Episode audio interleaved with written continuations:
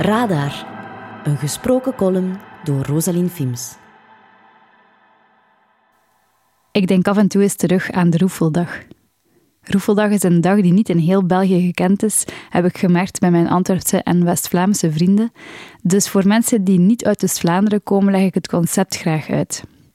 Roefeldag is een georganiseerd moment waarop alle kinderen mogen meehelpen met echte beroepen zoals verkoper, kapster of brandweerman.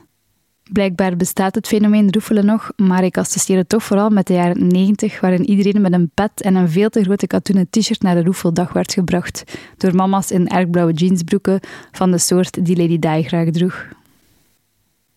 De laatste keer dat de roefeldag in mij opkwam was toen de arsenaalsite vorige maand opnieuw in brand stond. Het Gentse kunstoverleg wacht al maanden op de start van een nieuwe invulling van de voormalige NMBS-terreinen in Moskou. Stad Gent vroeg aan Revive om er een tijdelijke invulling te voorzien. Ze hielden bij die invulling rekening met horeca, sportfaciliteiten en ook cultuurorganisaties. Maar hoe langer de site leeg staat, hoe meer de toestand van de gebouwen achteruit gaat. Er is instortingsgevaar en er werd al twee keer brand gesticht. Ik vind het een duidelijk signaal naar het stadsbestuur.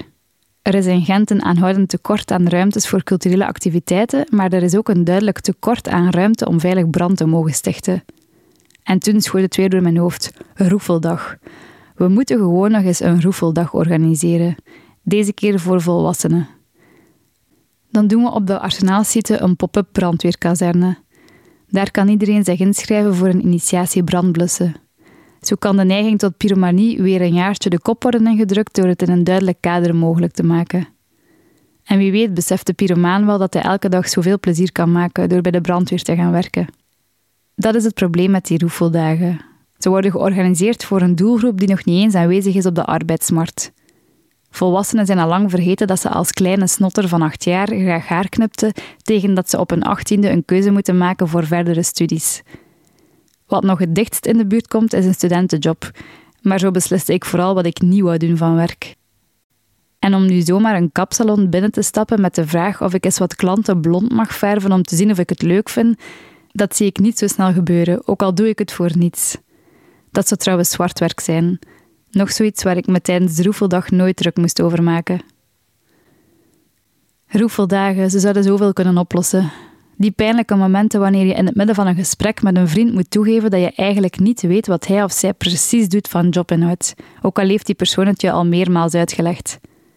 Oplossing: volg gewoon eens een dag mee met deze vriend op het werk en kom nooit meer in deze gênante situatie terecht. Of sollicitaties die vijf rondes duren en waarna je nog altijd niet weet of de job eigenlijk iets voor jou is. Roefeldag. Tekort aan leerkrachten. Roefeldag voor een klas vol extreem brave leerlingen die voor de gelegenheid ook opgeroefeld zijn. Ik stel voor dat de arsenaalsite tijdelijk roefeland wordt, waar het elke dag roefeldag is. Te beginnen met een flinke roefeling voor veiligheidsexperten en snelle verbouwers.